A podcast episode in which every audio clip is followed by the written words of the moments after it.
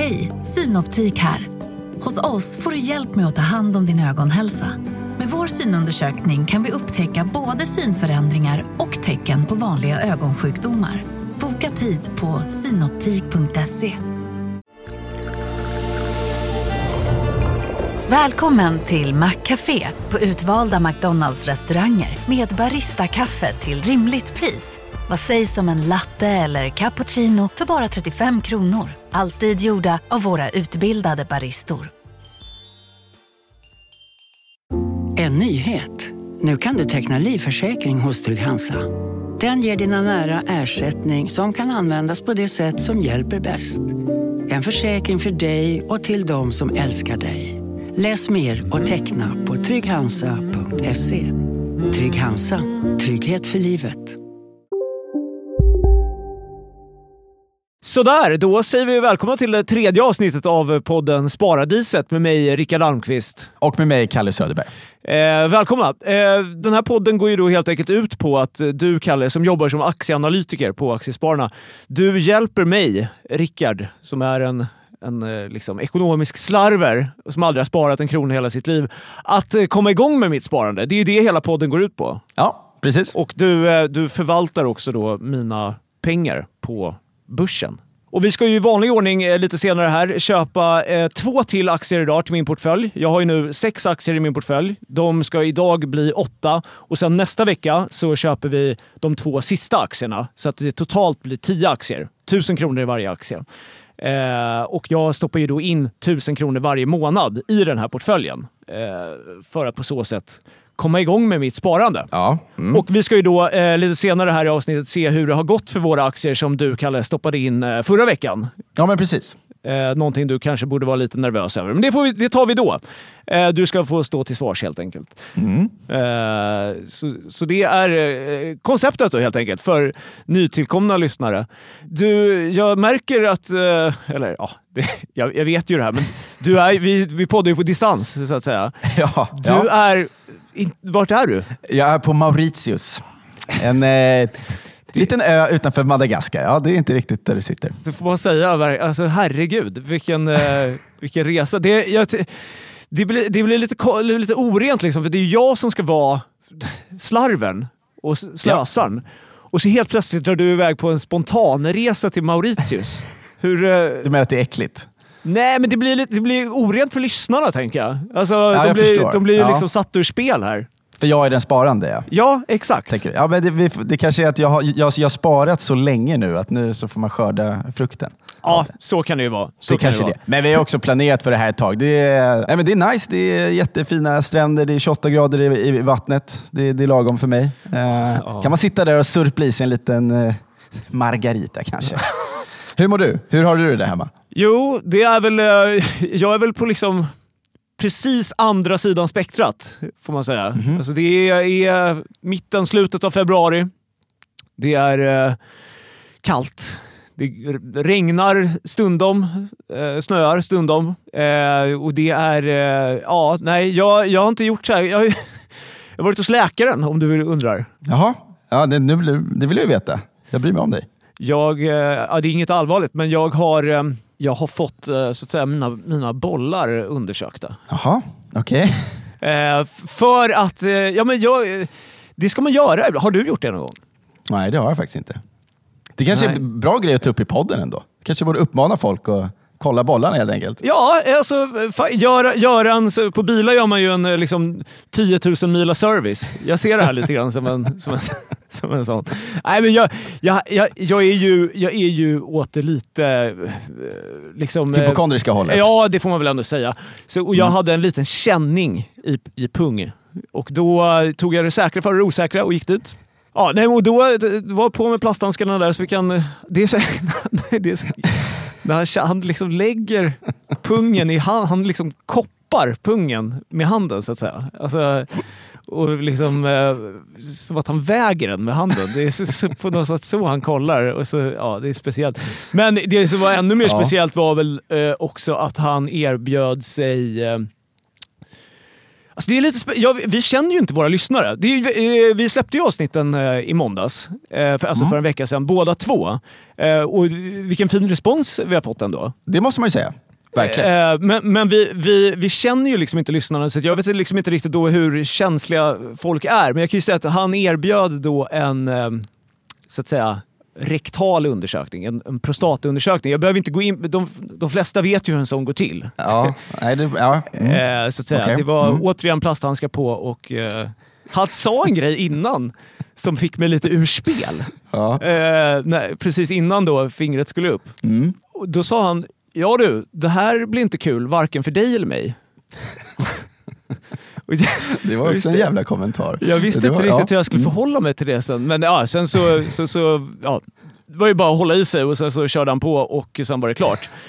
Eh, All, alles gott, eh, inga konstigheter. Ja, men vad skönt. Men det är en, en uppmaning då till folk där ute att eh, det kan vara bra att göra en sån där 10 000 mila service. Det är jättebra. Vi erbjuder alltså inte bara spartips i den här podden. Så är det uppenbarligen. Även, även an- andra, andra typer av tips. Ja, mycket bra. Eh, ja men bra, då, då, då, då, är det väl dags att köra igång. Du sitter på en strand, eh, 28 grader, dricker mojito. Jag ligger på en kall brits i slaskigt regn och får ett finger uppkört i röven. Det är väl ungefär där vi är mentalt. Det är det vi går in med i den här podden. Nu kör vi. Ja, toppen.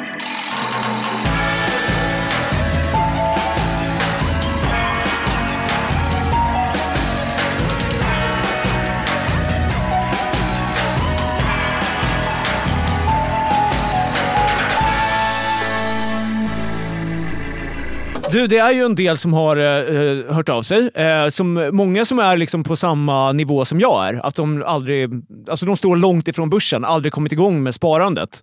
Eh, som har skrivit att det är väldigt bra då att vi tar upp eh, här, liksom basic-grejer med aktier. Och jag tänker att vi ska fortsätta göra det. Dina följare gissar jag har lite, de har lite bättre eh, koll kanske eftersom att de har följt dig ett tag. Ja, generellt så verkligen. De har ju mer skrivit och tyckt att det varit kul med någonting annorlunda. Och de, har, de, de, de har också funnit dig väldigt underhållande. Ja, men det är bra. Det är bra. Ehm, Så Nej, det men- är bra. Mm. Nej, men så jag tänker att vi, vi ska ha ett litet segment där som heter Kalles aktieskola där jag tänker att du får alltså, gå igenom, även för min del, eh, liksom gå igenom eh, the ins and outs of eh, varför ska man ens spara i aktier? Varför har man dem liksom inte i... Varför har man inte pengarna under madrassen? Liksom?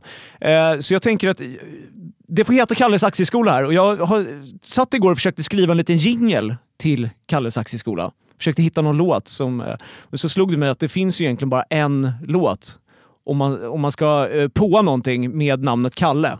Jag vet inte om du har hört den här. Eh, det är Kalle, Kalle, Kalle på Spången. Jaha, ja, ja. Ja. Mm, den har jag fått höra många Ja. gånger i mitt liv. Mm. Kan jag tänka mig. Eh, men, och det, här är ju ett, det här är ju ett klipp som nog många har hört, men vi- vissa har nog inte gjort det. För det, det är då när Dead by April, ett vad säger man, metalband, eh, ska spela på Allsång på Skansen. Och så ska de spela Kalle, Kalle, Kalle på Spången. Mhm. Men problemet är att det här, det här bandet är ju liksom lite...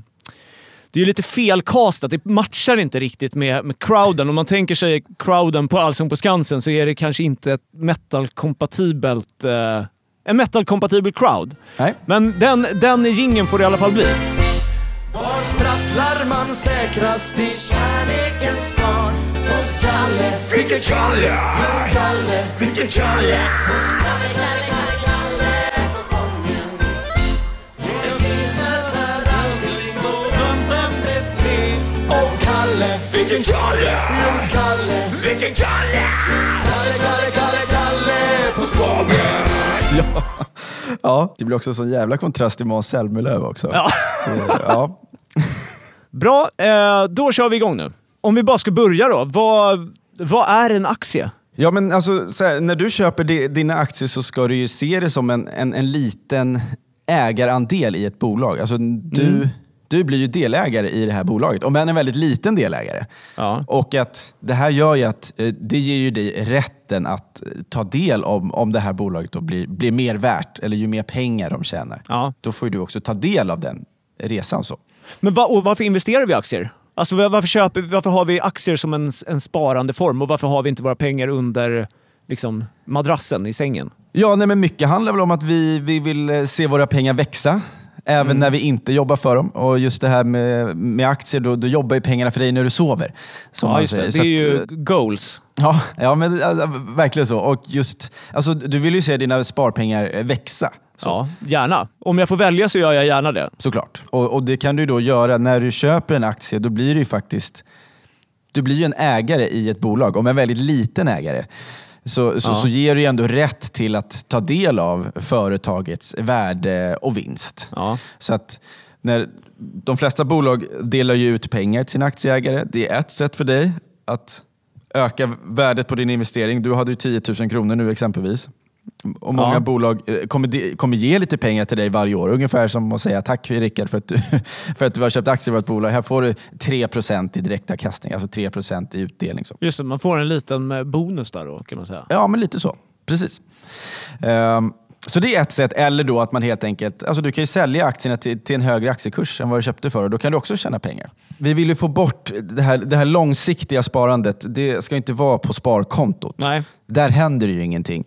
Man får, inget, man får inget för det och har det, det bara ligger där. Ja men exakt. Ska, jag har ett tydligt räkneexempel här. På eh, ett sp- sparkonto där, där växer dina pengar 1% per år ungefär. Ja. Medan om man tittar på börsen, om du tittar tillbaka ungefär 100 år, så säger man att det har snittat ungefär 8-10% per år Just som det. du får istället. Som, som då dina pengar har vuxit med varje år. Så att om vi då leker med tanken att du hade 100 000 kronor och hade det, stoppat in det på sparkontot och sen så tar du ut dem efter 10 år. Mm. Ja, men då har, då har du 110 000 kronor med, med hjälp av ränta på ränta-effekten. Just det, den, eh, den, den klassiska som man har hört talas om så mycket, som jag har lagt väldigt lite tankeverksamhet på att fullt eh, förstå, så att säga. Fan, jag undrar, jag ska nog... Jag går in eh, samtidigt som vi pratar här på någon... För det finns ju sån här, eh, en sån här kalkylator där man kan räkna ut. Det är bara kul för mig att se om jag hade... Om mitt 20-åriga jag hade sparat... Vad är rimligt? Vad hade jag... Vad hade jag 400 kronor i månaden hade jag ändå kunnat spara Ja, men från att jag var 20. Ja, mm. Jag, hade bara, jag sk- skriver in här, det hade bara varit intressant att se hur mycket pengar jag hade haft nu då. Bara, vilken ska man ta då? Avanza eller? Ta kalkyleramera.se. Ja. Vad, vad är en rimlig räntesats då om man tittar tillbaka de här eh, senaste 12 åren? Ja, men, eh, säg, säg, säg 10 procent då. Ja. Och så säger jag att jag sparat, från att jag var 20 fram till att jag nu är ja, snart 33, så hade jag sparat 400 kronor i månaden varje månad. Mm. Och det är ju då alltså, ja, vad blir det, 13 år. Och då trycker vi på beräkna här. Ja, då hade jag haft 127 444 kronor på mitt konto. Det är bra. Det hade, jag kan säga, det hade varit pengar som hade suttit ganska bra just nu. Men vi står också hur mycket pengar du då hade sparat och hur mycket som hade vuxit av sig självt. Alltså hur mycket du hade fått av ränta på ränta. Ja, precis, jag har ju då bara satt in, av de här 127 000 kronorna, 127 444 kronorna, då har jag bara satt in 63 400 kronor. Jag har alltså gjort, utan att göra någonting då, gjort en vinst på 64 000 kronor i Ja. ren ränta. Liksom. Mm. Ja, men, och det är väl det, är det där man vill få in, att, att, att man gärna ska börja i tidig ålder. Ja. Just att det, det räcker faktiskt bara med några hundralappar i månaden så, så går det ändå ganska fort. så. Ja, exakt. Sen, men men man, man, jag tycker inte man... Alltså som i mitt fall, jag är ju inte purung. Eh, jag kommer ju ha, jag kommer ju ha ändå, även om jag börjar spara nu, eh, så kommer det ju vara mig väl till pass när jag sen eh, kanske går i pension. Ja, ja, men alltså vadå? Om, vi, om, vi, om vi gör samma exempel med säg 10 000 kronor, att du börjar med det. Ja, ska vi, göra, ska vi göra, köra mitt exempel som jag har nu då? Alltså från... Ska vi säga att jag går i pension när jag är 67. Mm. Då har jag 10 000 kronor på kontot, vi räknar med 10 procent. Så mycket vi ska spara. Jag sparar ju 1000 kronor varje månad då. Ja. Mm. Och vad blir det? Jag är 33 nu kan vi säga. Mm. Eh, minus, eh, 67 minus 33. Vad har vi på det? Så det är 30 34, va? 34 då, år kvar. Eh, då ska vi se här. Det borde bli några mille.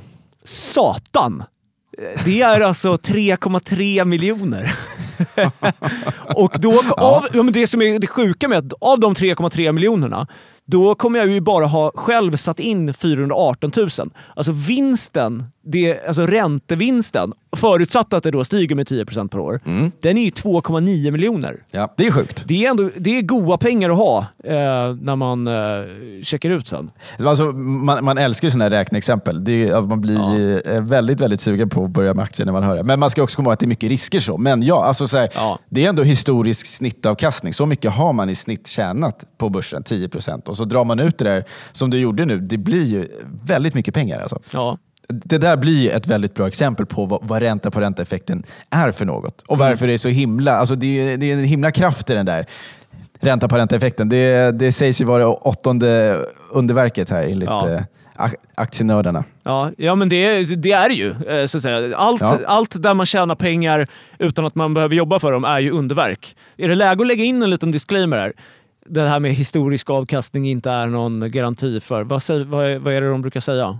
Historisk avkastning är ingen garanti för framtida avkastning. Så, då, då har vi det sagt ändå. Ja, Det det, det, det, är väl, det är väl på sin plats, absolut. Ja. ja. Men, men jag tycker också det är, släng in en, en till grej här, att det är viktigt att man, så här, om man generellt brukar man säga att om, om du kanske då ska spara till en kontantinsats till en lägenhet Ja, och, du kanske, och, du, och du kanske vill flytta hemifrån om ett, två år, Mm. då är faktiskt inte börsen rätt ställe generellt. nej för att det är för mycket risk på så kort tid eller? Ja, alltså så här, du kan ju verkligen komma in jättesnett. Jag tror jag har berättat för dig i alla fall, eh, jag tror inte jag gjorde det i podden, men jag har, ju, jag har en kompis som verkligen aldrig hållit på med aktier och som verkligen ville börja med aktier. Och Ja.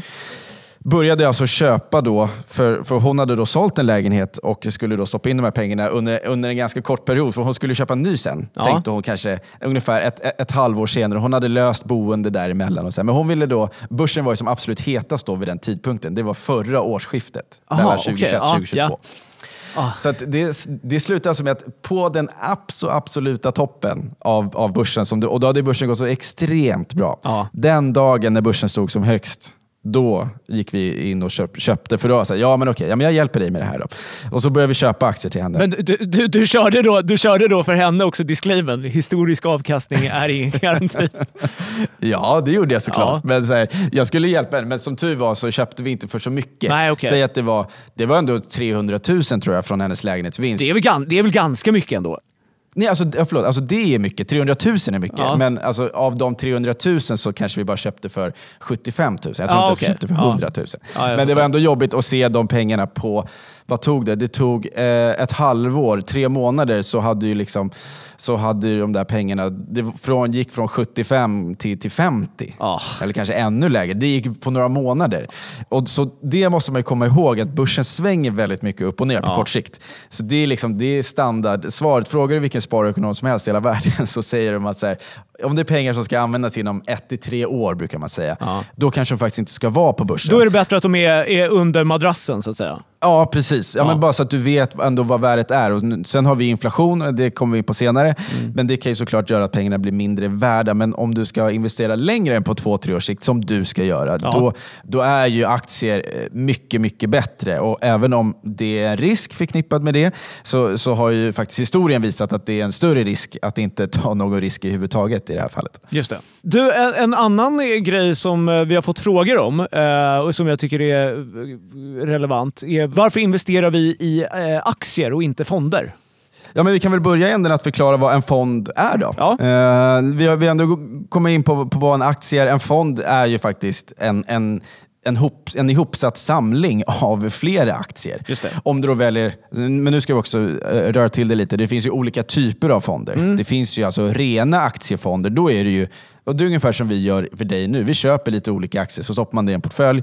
Eh, det, är, det är en fond, Ja. krasst, eh, som, som någon annan förvaltar. Så att den här fonden tar ut en avgift. Du betalar 1,5 procent i avgift ungefär för att någon faktiskt ska sitta och sköta hand, ta hand om den här portföljen, välja aktierna. Just det, så det, det, den där 1,5 procenten, det är den jag egentligen borde pröjsa dig, men som jag av naturliga skäl absolut inte kommer göra. Ja, eh, exakt så. Ja. Exakt så snäll är jag. Ja. Men det är så det funkar. Så istället då med, eller så, så fonder kan ju vara, då vara aktiefonder, men det kan vara, det kan vara, du kan blanda aktier med, med obligationer eller med råvaror, valutor. Det går att sätta upp, det finns sådana alternativ. Och, och med fonder kan det också vara så så här, om, om du tror att Kina är en jättebra marknad att, att investera i, Ja. då kan det både vara svårt att rent kunskapsmässigt veta vilka bolag man ska investera i, eller också, det kanske inte ens är möjligt via svenska plattformar att köpa de här aktierna. Och då kan man istället köpa en, en Kina-fond som man då väljer att investera i för att man tror att i, i Kina, där, där kommer aktierna gå, gå bra. Kanske för att man tror på att eh, ekonomin i landet ska fortsätta gå bra, tillväxten ska vara hög exempelvis. Eh, så, att, så den flexibiliteten finns ju med fonder. Så. Men så, så i, i min portfölj, som vi, vi använder Avanza då, Ja, eh, som, som plattform. Kan, alltså blandat med mina aktier, BRF och vad det nu är, Europris, kan jag ha en fond som ligger i den portföljen också? ja absolut. Ah, okej. alltså, det, och, och det kan ju vara en jättebra idé. Alltså, om man känner att... För, för, för grejen med aktier är att då väljer du ju bolagen själv. Ja. Eller du i det här fallet låter mig bestämma. Så då kan man liksom, då, det blir en större frihet så att man investerar i specifika aktier istället för att du köper en fond och fonden äger 50 aktier eller 100 eller i alla fall det. 30.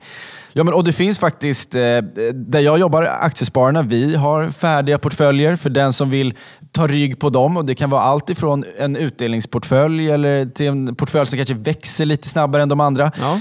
Eh, Så att det det finns olika alternativ. Så att, så menar, det, det kanske är någonting för dig också på sikt, Rickard, att bli medlem hos Aktiespararna. Så får du ta del av de här portföljerna och se om de är bättre än, än vad din egen portfölj är. Eller som man har som komplement. Så. Ja.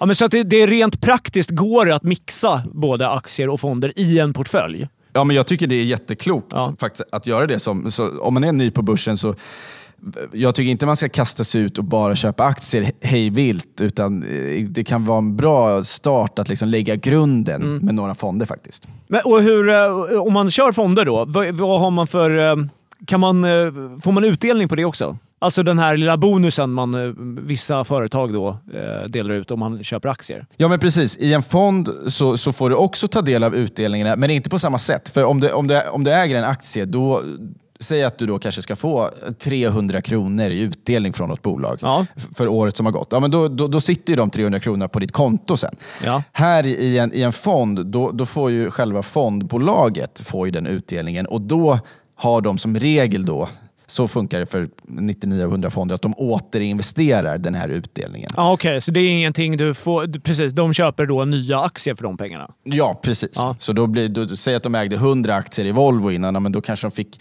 tillräckligt mycket pengar från olika utdelningar att de väljer att köpa 10 aktier till. Så blir den lite större i portföljen. Just det. Så man, man, man, eh, in, indirekt tjänar man på det, men, eh, men det, det, clearar, det blir inget clear på kontot. Nej, precis. Och det, och det ska ju verkligen sägas att det där med utdelningar, egentligen kanske man, eh, också i ditt fall nu tycker jag, när vi får utdelningar så ska vi ju återinvestera dem faktiskt tycker jag. Ja. Så att om du hade 10 aktier i Europris och så får vi ändå, vi kommer nästan få 6-7% i direktavkastning, då räcker det till någon aktie till. Kanske vi ska fylla på i den. Ja. Så att vi nästa gång får kanske då 3 kronor per aktie i utdelning. Istället för på 10 aktier får vi på 12 aktier plötsligt. Alltså, och det är så det växer. Då, då är vi inne på ränta på ränta-effekten igen. Ja, det låter, det låter bra. Du har mitt approval där. Ja, mycket bra. Men tänk- för att avsluta den här aktieskolan så kan det bara vara bra tycker jag att säga, eh, för det, det är också en grej som jag inte hade koll på. Så vad, vad kan man förvänta sig när man börjar investera i aktier? Alltså, vad, vad tycker du, hur, vilket mindset ska man gå in med? Eh, Jag tycker det är superviktigt att man har en ödmjukhet för att det dels verkligen kan börja dåligt. Alltså det kan ju gå åt fel håll till en början. Ja. Eh, Så det är viktigt att de där bitarna är på plats med vad gäller typ inte ha kortsiktigt kapital på börsen, för då blir det så himla jobbigt. Ja. Och då kanske man liksom blir... Det är en källa till ångest. Ja, om inte annat. Och dessutom kanske en källa till någon typ av irrationellt beteende där du väljer att bara sälja i panik på en gång för att det här var inget kul, det gick ner 10 procent. Ja. Eh, och sen så hade det vänt upp och så hade man gå- gått miste om pengar istället. Så eh, dels att man, liksom gör, man gör sig själv en tjänst genom att inte tumma på den där regeln. Att man känner att det är okej att det kan få gå ner lite för att jag klarar att vara långsiktig med de här pengarna. Så. Bra. Men för att summera din eh, aktieskola här nu då. Eh, så varför ska man spara aktier? Det är helt enkelt för att det är ett väldigt rimligt alternativ att göra det om man vill, få, om man vill att sina pengar ska växa helt enkelt. Då är det det, det rimligaste alternativet. Ja, Och varför vi investerar i aktier och inte fonder, det, det, det kanske vi gör. Vi kanske investerar i fonder eh, vad det lider. Ja, verkligen. Det finns inget bara ja eller nej där, utan man kan verkligen ha båda. Jag tycker det det är till och med bra att ha båda. Ja. Och Det man kan förvänta sig när man går in i det här aktiesparandet, det är att man, det kommer inte hända eh, underverk eh, på kort tid. Det, det ska, det ska vara, man ska ha mindsetet att det, är, det ska vara långsiktigt. Exakt, ja men verkligen. Och så får man påminna sig om det där med ränta på ränta-effekten om, man Ja. känner att det blir- om man känner att det blir tråkigt. Så. Nej, men det var en jättebra sammanfattning. Och Ja. jag kan väl också säga att vi, alltså jag, jag kommer få anledning, vi kommer ha fler liksom, aktieskolegrejer känner jag framöver. Det finns, det finns så många grejer man kan prata om. Verkligen. Eh, Men det verkligen. här, var, det, här var, det här var en bra start känner jag för Ja, dig. men li- ver- verkligen basics. Saker som jag inte visste innan eh, eh, vi började prata om eh, eh, aktier. Så det här är jättebra att vi har täckt, tycker jag. Ja, ja, men suveränt.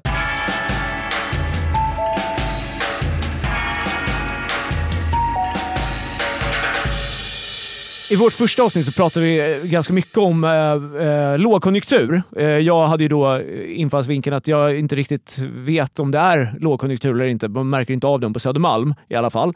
Eh, men en annan grej som det pratas väldigt mycket om och som man ju faktiskt märker av, det är den extremt höga inflationen. Men jag har, vet mycket lite om vad det innebär egentligen. Ja, nej men, eh, alltså så här, inflation är ju, eh, först och främst ja, det är ju verkligen någonting som, som vi inte har märkt av på, på flera, flera år och nu har det kommit väldigt, väldigt snabbt. Ja, fruktansvärt snabbt. Alltså man, det är väl, för oss vanligt folk så märker man väl det kanske mest då i matbutiker om jag har förstått saker rätt. Ja, alltså både i matbutiker men, också för dig som har kanske ett hus att värma upp eller en bil att tanka. Ja. Eh, Så, så har, så har den, det har gått väldigt, väldigt fort att märka av de, de prishöjningar som vi har sett. Och, och det är ju just, alltså inflation är ju det, det är ju en ökning av, av den allmänna prisnivån här. Om man, om man, om man ska läsa till från Riksbankens hemsida så står det helt enkelt att det är en ökning av den allmänna prisnivån som gör att man kan köpa färre varor och tjänster för samma mängd pengar. Alltså, du hade ju, du, förut kunde du köpa en Bregott för 50 spänn eller 40 och nu kostar den 70. Ja. Så att helt plötsligt, ja, du kan inte köpa samma saker för samma peng som du kunde göra förut. Så att pengarna minskar i värde helt enkelt. Din, din hundralapp det räcker inte till både ett Bregott-paket och eh, vad vet jag, en eh, påse frysta köttbullar eller vad det kan vara. Nej, det, det får man ju säga. Det, det är ju nästan... De två varorna, det är faktiskt näst, det är två varor jag köper en del också. eh, så det vet jag att det är närmare 200 lappar för de två varorna. Ja, nej, men det är helt sinnessjukt. Alltså, ja. nej, men så att, så att det är det som händer, att pengarna minskar i värde helt enkelt. Ja. Eh, det, det är det vi upplever just nu när inflationen blir högre. Och jag menar, dels så kan du ju det Inflation brukar vi få om, om efterfrågan i ekonomin är stark, alltså om vi befinner oss i motsatsen till det vi pratade om första avsnittet, lågkonjunktur. Ja. Om, om vi befinner oss i en högkonjunktur, allting går upp, allting går bra, efterfrågan är stark i, efter, i ekonomin, ja, men då, då, då brukar det, det blir lättare för företagen att, att höja priserna om, om efterfrågan är väldigt stark hos hushållen. Ja. Eh, Men inflation kan ju också uppstå, och det vi har, som vi har upplevt nu, det, så här, det finns många faktorer, men, men primärt så handlar det ju om en energi... Kris. Precis. Eh, så, som har liksom satt sina spår lite överallt. Och Det var ju framförallt Rysslands invasion av Ukraina som triggade det här. Sen var inflationen på väg upp ändå. Varför, varför då? Nej, men man kunde se exempelvis att ja, men vi hade några väldigt bra år. Visst, det var tack i kurvan med pandemin som var extrem på många håll. Men pandemin förstörde ju på det sättet att när världen var nedstängd då var det svårare att få tag i olika komponenter, exempelvis från Kina. Ja, de det- här jävla halvledarna som det pratades om i all oändlighet. Det är någon, Ja, det är någon komponent man behöver för att göra bilar tydligen. Bland annat. Ja, men bland annat. Alltså det, det kan vara allt ifrån chip till en Apple-telefon. Just det. Exempelvis. Alltså det kan vara, och den problematiken att, det, att världen var nedstängd och fabriker var nedstängda gjorde ju att det, blev, det var väldigt svårt att, att, att frakta varor på det sättet man ville. Och Då blev det också högre priser på de som väl fanns tillgängliga. exempelvis. Just det. Alltså, så det, det, det kunde trigga inflation. Sen var det också att lönerna började ticka upp helt plötsligt. Vilket handlar om att eh, arbetsmarknaden är väldigt stark. Arbetslösheten är låg. Ja. Och då, och då tenderar lönerna till att, till att liksom stiga. Så de var på väg upp lite grann. Men sen kom ju då kriget och då gick ju energipriserna i taket. Och för att, för att vi är så beroende av Ryssland när det kommer till energi. Ja, men precis. Ja. Priserna är ju en sån här typisk grej som har både en eh, direkt och en indirekt påverkan på inflationen. Alltså direkt för att du märker av det när du tankar bilen eller du värmer upp huset, fastigheten eller kanske vid produktionen i någon, i någon industrilokal. Men, men indirekt, och den, den här, då förklarar du också matvarupriserna lite grann, är ju att när det blir dyrare, bolagens kostnader ökar ju också. Alltså, mjölkbonden ska ha bensin eller diesel till sin traktor. Eller Ja, det ska, precis. det, det, den här energikrisen sätter ju sina spår lite överallt. Just det, så, så att ett, eh, en, en bonde som pröjsade eh, 15 kronor litern per diesel, för diesel tidigare pröjsar nu 20 kronor eh, per liter. Eh, och då måste han ju göra ett, eller hon, göra ett påslag på, på mjölkpriset. Precis. Så då, då handlar det hela tiden om att man för över sina kostnader. Underleverantören för över sina kostnader till då kanske då slut, till, till, till leverantören. I det här fallet då, kanske Willys eller Ica eller vad det nu kan vara. Och då är de i sin tur höjer de sina kostnader ut till sina slutkunder, vilket är du och jag. Just det. Och då, då kräver vi högre lön, eller? Precis. Där har den här onda spiralen. Just det. är den man är så rädd för. Därför har du läst säkert mycket i tidningen om de här löneförhandlingarna som pågår just nu. Ja. Där, där, där liksom, e- den, den ena sidan vill se mycket högre löner för att vi ska ha råd att liksom hantera de här högre prisökningarna. Medan den andra sidan menar ju på att försök att ta det lite lugnt ändå, för att det här spär ju bara på inflationen och då blir det ännu jobbigare för att då kommer Riksbanken behöva höja räntan ännu mer. Just det. Och så sätter det sina spår i ekonomin på, på sitt sätt. För det leder oss väl lite grann in på eh, vad, vad, gör, vad, gör, vad gör staten för att motverka en inflation? Ja, men pri- primärt så är det ju då vår centralbank, Riksbanken, som, som ska liksom... Deras primära mål är ju att inflationen ska ligga runt 2% Nu är den på 10 och, och det de kan göra då är ju framförallt att använda räntan som ett, som ett verktyg för att då... Ja. Man vill liksom kyla ner ekonomin så att inflationen ska komma ner. Ja, men precis. För de tänker väl då att om eh, vi, eh, vi vanligt folk får betala högre räntor så kommer vi ha mindre pengar att köpa för. Och då, då, eller hur? Ja, precis. Ja. Ja. men det, alltså, exakt så. Så man dämpar den ekonomiska aktiviteten, liksom, både för hushållen men också för, för företag, för att man då vill kyla ner ekonomin så att inflationen ska komma ner på mer normala nivåer. Och det är det vi ser nu. Så. Men om vi tänker på min portfölj då i förhållande till inflationen. Ska man liksom tänka på något speciellt när man investerar eh, när inflationen är så här hög som den är nu? Eh, ja, men jag tycker ändå att det finns, det finns eh, aktier som, som gynnas mer än andra. så. Va, va, vad utmärker en sån aktie då? Ja, men det kan exempelvis vara att vi vill ha bolag med en, väldigt, med, med en stark eh, pricing power. Vilket betyder alltså det var, att man... det var ett, får jag säga att det var ett stjärtigt ord? Ja, det får du säga. Det får du säga. Eh, men, eh, nej, men det är ofta bolag med en stark ställning, en stark marknadsposition. Vi pratar ju om eh, Assa Abloy exempelvis, som du äger. Låsföretaget. Ja, exakt. Då sa jag att de har en stark marknadsposition. Det som är bra när man har en stark marknadsposition, det är att man inte är, är lika känslig för att liksom, om vi säger att man då får högre kostnader. Stål är en viktig insatsvara för att tillverka lås. Ja. Om priset på stål går upp mycket, ja, då, då klarar de av att höja sina kostnader till sina slutkunder för att man vet att man har så stark position att man behöver liksom inte... Det är inte någon jättehård konkurrens på samma sätt som vissa andra kanske har. Just det. Eh, Så då, då brukar man liksom stå sig starkare. Man kanske inte behöver sänka sina priser för att efterfrågan faller. Nej. Och så, det, det, så det är en väldigt bra grej. Och därför så kanske det är så att eh, vissa sektorer har ju väldigt mycket eh, tuffare när, när, liksom, när, när slutkunden faktiskt viker på riktigt och det dessutom är så att det är mycket konkurrens på marknaden. Ja. När, jag, när jag känner så här, nej, Assa Abloy, jag, jag, jag tar hellre Lidls egna lås, så att säga. Ja men precis, Ja. ja. men verkligen så. Eh, men, men, och, och framförallt det med Assa Abloy är ju att de har ju så mycket eh, service, som vi också var inne på. Alltså Just de det. påverkas inte så mycket när efterfrågan faller, för de har så mycket service som bara tickar på. Ja, det, du men, alltså de, har, de tjänar pengar på att också serva sina egna lås. Om jag har köpt ett Assa Abloy-lås så, så står Assa Abloy även för servicen. Eller står för. Då, jag får ju pröjsa Assa Abloy och det är så de får in pengar. Ja men precis. Utöver den här bara eh, låsköpet så tjänar de också under en längre period. Ja, precis. Ja, men alltså, vi kan ta typ Apple med deras, med deras smartphones. Ja. Det är ju verkligen en, en vad ska man säga, sticky product som, som folk gärna vill ha. Ja. Alltså, de har ett väldigt starkt varumärke, de har en väldigt stark marknadsposition. Även om det finns konkurrenter eh, så har de ju väldigt stark marknadsposition vilket gör att de vet att sina kunder, trots att de har mindre i plånboken, så kommer de ändå vilja köpa den där nya iPhonen eller Ja. vad det nu kan vara. För att, det, för att det, det, de vill verkligen ha det Apple gör för att de är så bra på det de gör. Så det är också ett sätt att ha en pricing power, att du har en produkt som är så bra att folk vill ha den lite oavsett om, om det går sämre. Nu har man i och för sig märkt att det, det är lite tuffare även för dem. Så det är en typ av företag som är bra att investera i eh, under en inflation? Eller när inflationen är hög? Alltså så här, ja, bo, bolag som har en stark marknadsposition och som kan föra över sina kostnader till sina slutkunder, de som kan göra det under tuffare tider, de, är- de är väldigt bra att ha. Sen det, det var många som kunde visa på pricing power till en början, men nu när konjunkturen blir sämre och sämre och folk börjar dra åt plånboken, då märker man ännu tydligare vilka som har pricing power och inte har det. Just det. En annan typ av företag som är, liksom, är bra när inflationen är, är hög, det är faktiskt banker. Och, eh, Kan man, man kan köpa aktier i banker? Ja, Ja. eh, korrekt. Ja. Eh, Du kan köpa Ha- Handelsbanken, Nordea, Swedbank. Vilken konstig dialekt. Fick du någon dialekt nu? Vad fan hände? Svi... Nordea, Handelsbanken. Märkligt. Ja, vet du om det där?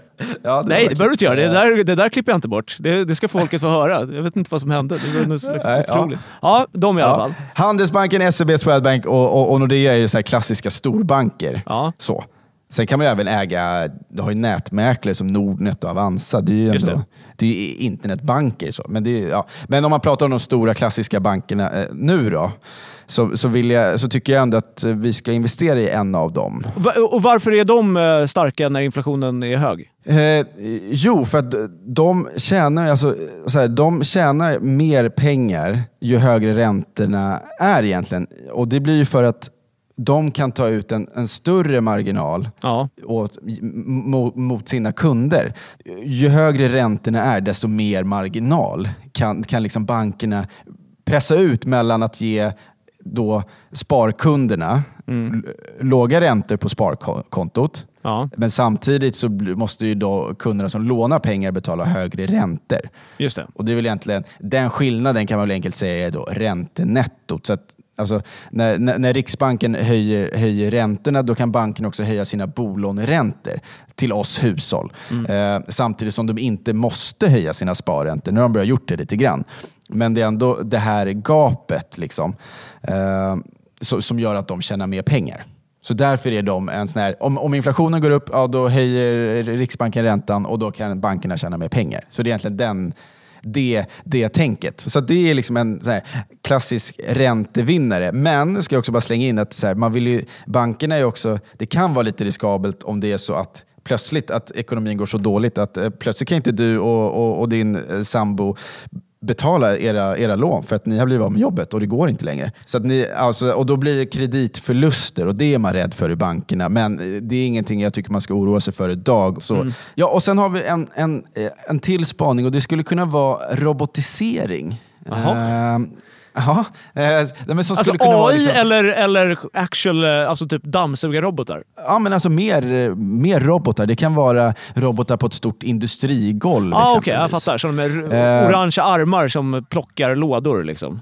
Ja, men, ja, e- exakt så. Ja. Och för, att, och det här, är, för det här är, kan ju vara väldigt arbetsintensiva bolag som, som gör den här typen av business. Ja. Och de kan ju känna av ökade kostnadsökningar på flera sätt. Bland annat då för att har man väldigt, eh, liksom om man har många anställda och så ska lönerna gå upp så kan det bli en kostnad för dem. Just. En robot har inte så Eh. höga lönekrav. Nej, precis. Den har ju inte det. Nej. Eh, inte än i alla fall. Vi får se vad AI gör till Ja, slut. Men, ja, eh, verkligen. Ja.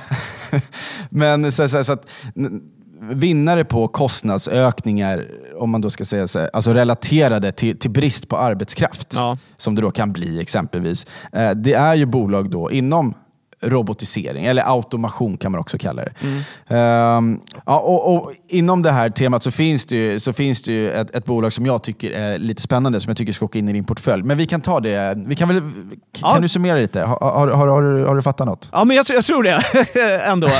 Ja, men, det- Har jag, har jag förklarat eller har jag bara sluddrat? Nej, jag tycker du har förklarat det. jättebra. Jag, så pass bra att jag kan nu eh, vid en kaffeautomat ändå eh, hänga med på vad som sägs. Eh, Ja, ja. Mm. Ja, men, eh, så kort och gott, en inflation, det, det är egentligen att mina pengar minskar i värde. Jag får inte lika mycket för en, en hundralapp längre. Nej, precis. Nej. Och den här inflationen den har uppstått eh, till följd av eh, liksom, energikrisen som hela Europa upplever just nu. Ja, det var, det, exakt, det var den främsta triggern Ja. i framförallt Europa. Ja. Ja, och då, då, för att motverka det här så höjer Riksbanken räntorna. ja, I Sveriges fall så är det Riksbanken. I övriga världen så... eh, Alla centralbanker heter olika. Man brukar Ja. säga centralbankerna Ja, räntan. Centralbanken. Ja. Det är bra. Ja. Terminologin, Mm, den är alltjämt viktig för mig att lära mig. Ja. Ja. Men jag tycker det var jättebra och eh, eh, informativt om eh, inflation.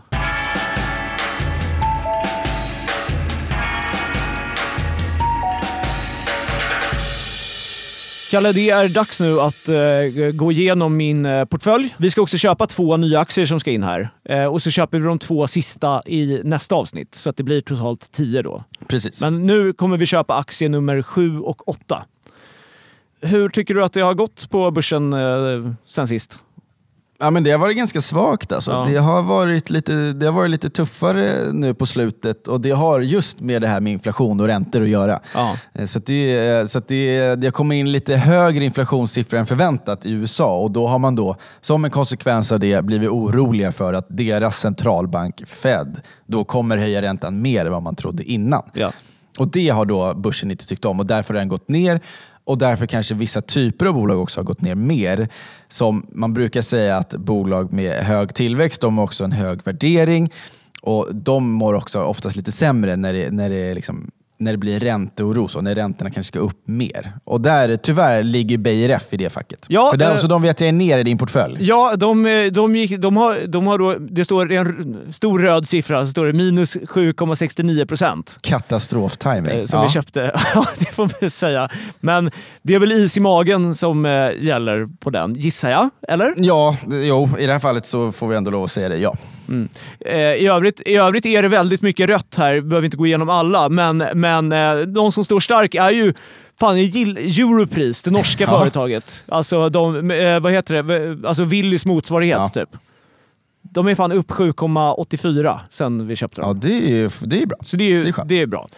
Eh, men de här två nya aktierna som ska in då, vad har du, eh, vad har du där? Ja, men då tänkte jag att vi, vi, vi tar de där spaningarna vi hade innan där på inflationsvinnare. Eh, Tyvärr borde man ju ha köpt eh, bankaktier, har gått jättebra senaste, senaste året. Så att, eh, Ja. man är ju, risk för att man är lite sist på bollen på ett sätt. Men jag tycker ändå att de, de är, det är bra att ha en bank i portföljen för de delar ut mycket pengar. Det är ändå en stabil business.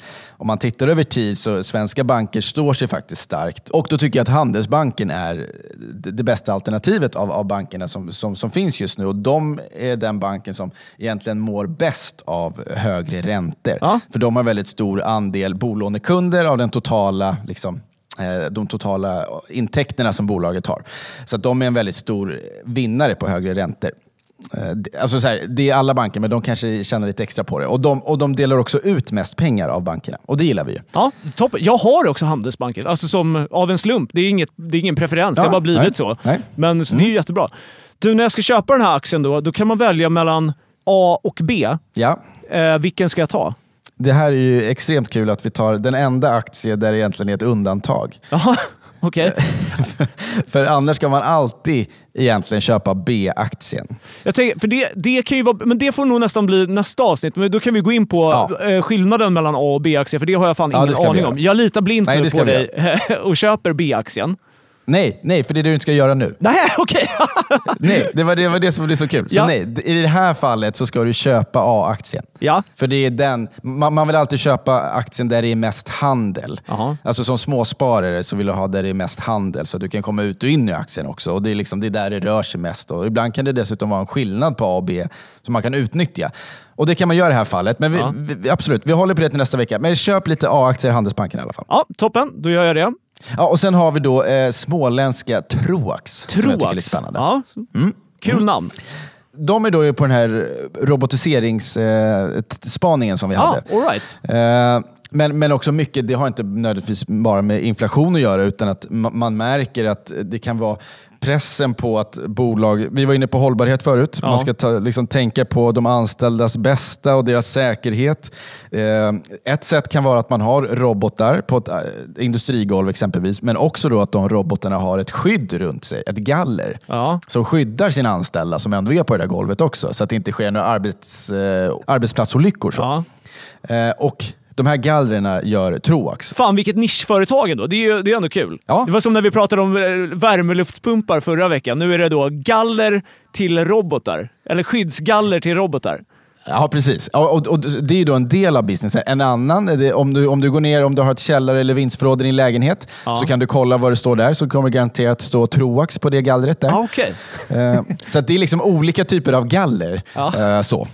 Men eh, att så här, de, de, de, de gick väldigt starkt på börsen, sen kom pandemin, nu gick de svagt och nu har de, kommit, de har absolut kommit tillbaka lite. Men, men jag tycker ändå att det, det är en långsiktig, häftig story. så. Svinbra tycker jag. Det, det känns kul att säga att man äger aktier i ett företag som gör skyddsgaller. Ja, men så, så de rider ju på den trenden. Vi pratar om att vi kanske då långsiktigt vill äga bolag som har en underliggande strukturell trend.